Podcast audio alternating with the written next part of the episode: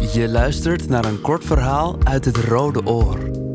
De erotische schrijfwedstrijd van de buren, Stichting Nieuwe Helden en de Nieuwe Liefde.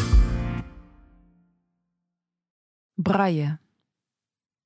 De vuurtoren schijnt al, zeg je. En dat het zulk aangenaam weer is dat de parkeerplaatsen bij het strand nog vol staan. Je bent lief. Beschrijft uitvoeriger dan normaal wat je allemaal ziet. Ik maak me een beeld met de beelden uit mijn geheugen. Hoe meer beschrijvingen, hoe meer verschil tussen wat we voor ons zien. Nadat je hebt geremd, hoor ik de stevige schakeling die achteruit betekent. Het knisperende geluid van asfaltsteentjes verandert in dat van zacht knakkend gras. Je murmelt dat je een plek hebt gevonden tussen de akkers, op zo'n stukje grond naar een kavel toe, waar maar één auto op past, ernaast water. De motor is uit, brom nog een beetje na. Ik voel eerst je warmte en dan pas je hand die je om mijn nek legt, waarmee je me naar je toe beweegt. Ik antwoord met een even dwingende hand in jouw nek. Je zegt dat je een dekbed hebt meegebracht. Dat de kofferbak best groot is als we de stoelen inklappen. Met je tong proef je mijn stiekeme lach. Na twee deurklinken en een tanktop ben ik bij de kofferbak. Als de klep omhoog staat, het mechanisme is stilgevallen, hoor ik hoe de achterbank neerploft. Ik tast de vloer van de kofferbak af, vind het dekbed. Leg het over de ruwharige ondergrond en kruip de bak in. Dan hoor ik de klep dichtgaan. Nog een keer. Ik vraag of het gaat. Je stoot je kop, denk ik. Je scheldt. Of het gaat, vraag ik je. Het gaat. En je kruipt naast me. Ik zoek je hoofd en vind het. Streel zachtjes de plek waar ik een bult verwacht.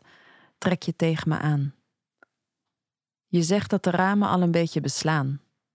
Ik leg zoekend mijn hand op het glas. Koud vocht op mijn wijsvinger. Jij trekt aan mijn veters. Terwijl je onze schoenen uitdoet, pluk ik aan de onderkant van je trui. Ik doe je trui uit, jij doet mijn trui uit. Ik knoop je broek los, jij de mijne.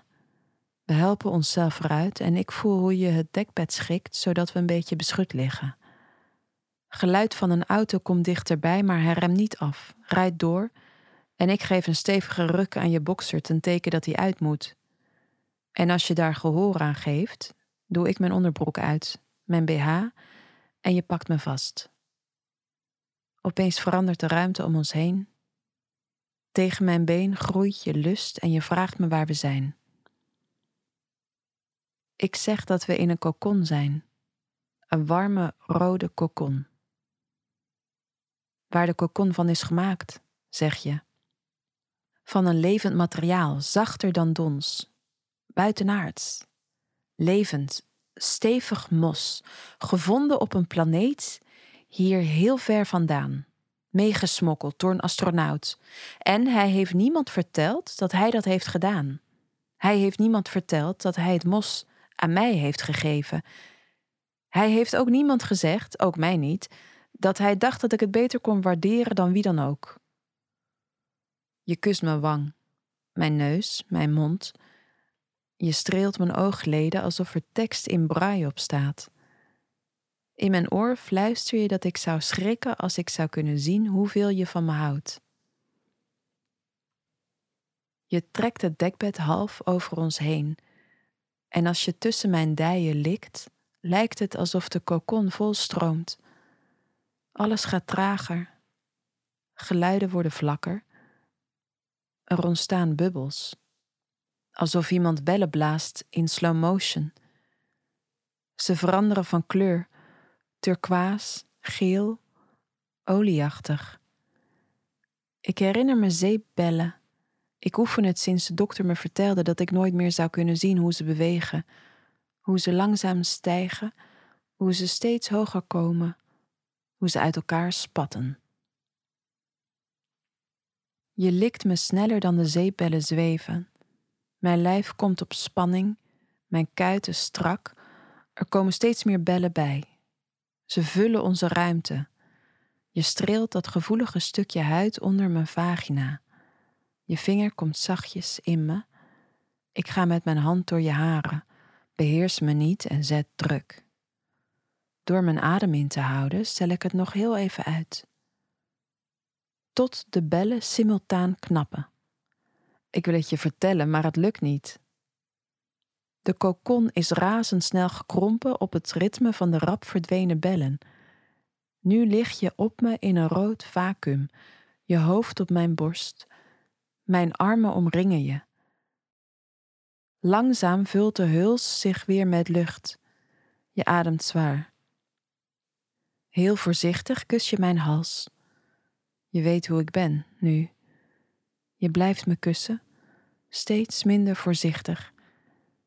En ik voel de trillingen van je adem, de pulsatie bij je pols, de groeiende beweging tegen mijn onderbuik.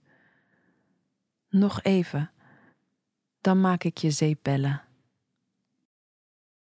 Ik ben Elsa May Averill en dit verhaal is geschreven door Fleur van Greuningen, een van de deelnemers van het Rode Oor 2021.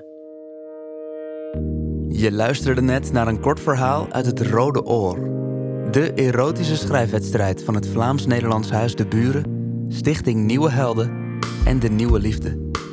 Op de buren.eu slash het Rode Oor vind je meer informatie over het project, over de wedstrijd en kan je alle erotische verhalen van het Rode Oor lezen en luisteren. Het Rode Oor is onderdeel van het project Yes Please, een initiatief van Stichting Nieuwe Helden.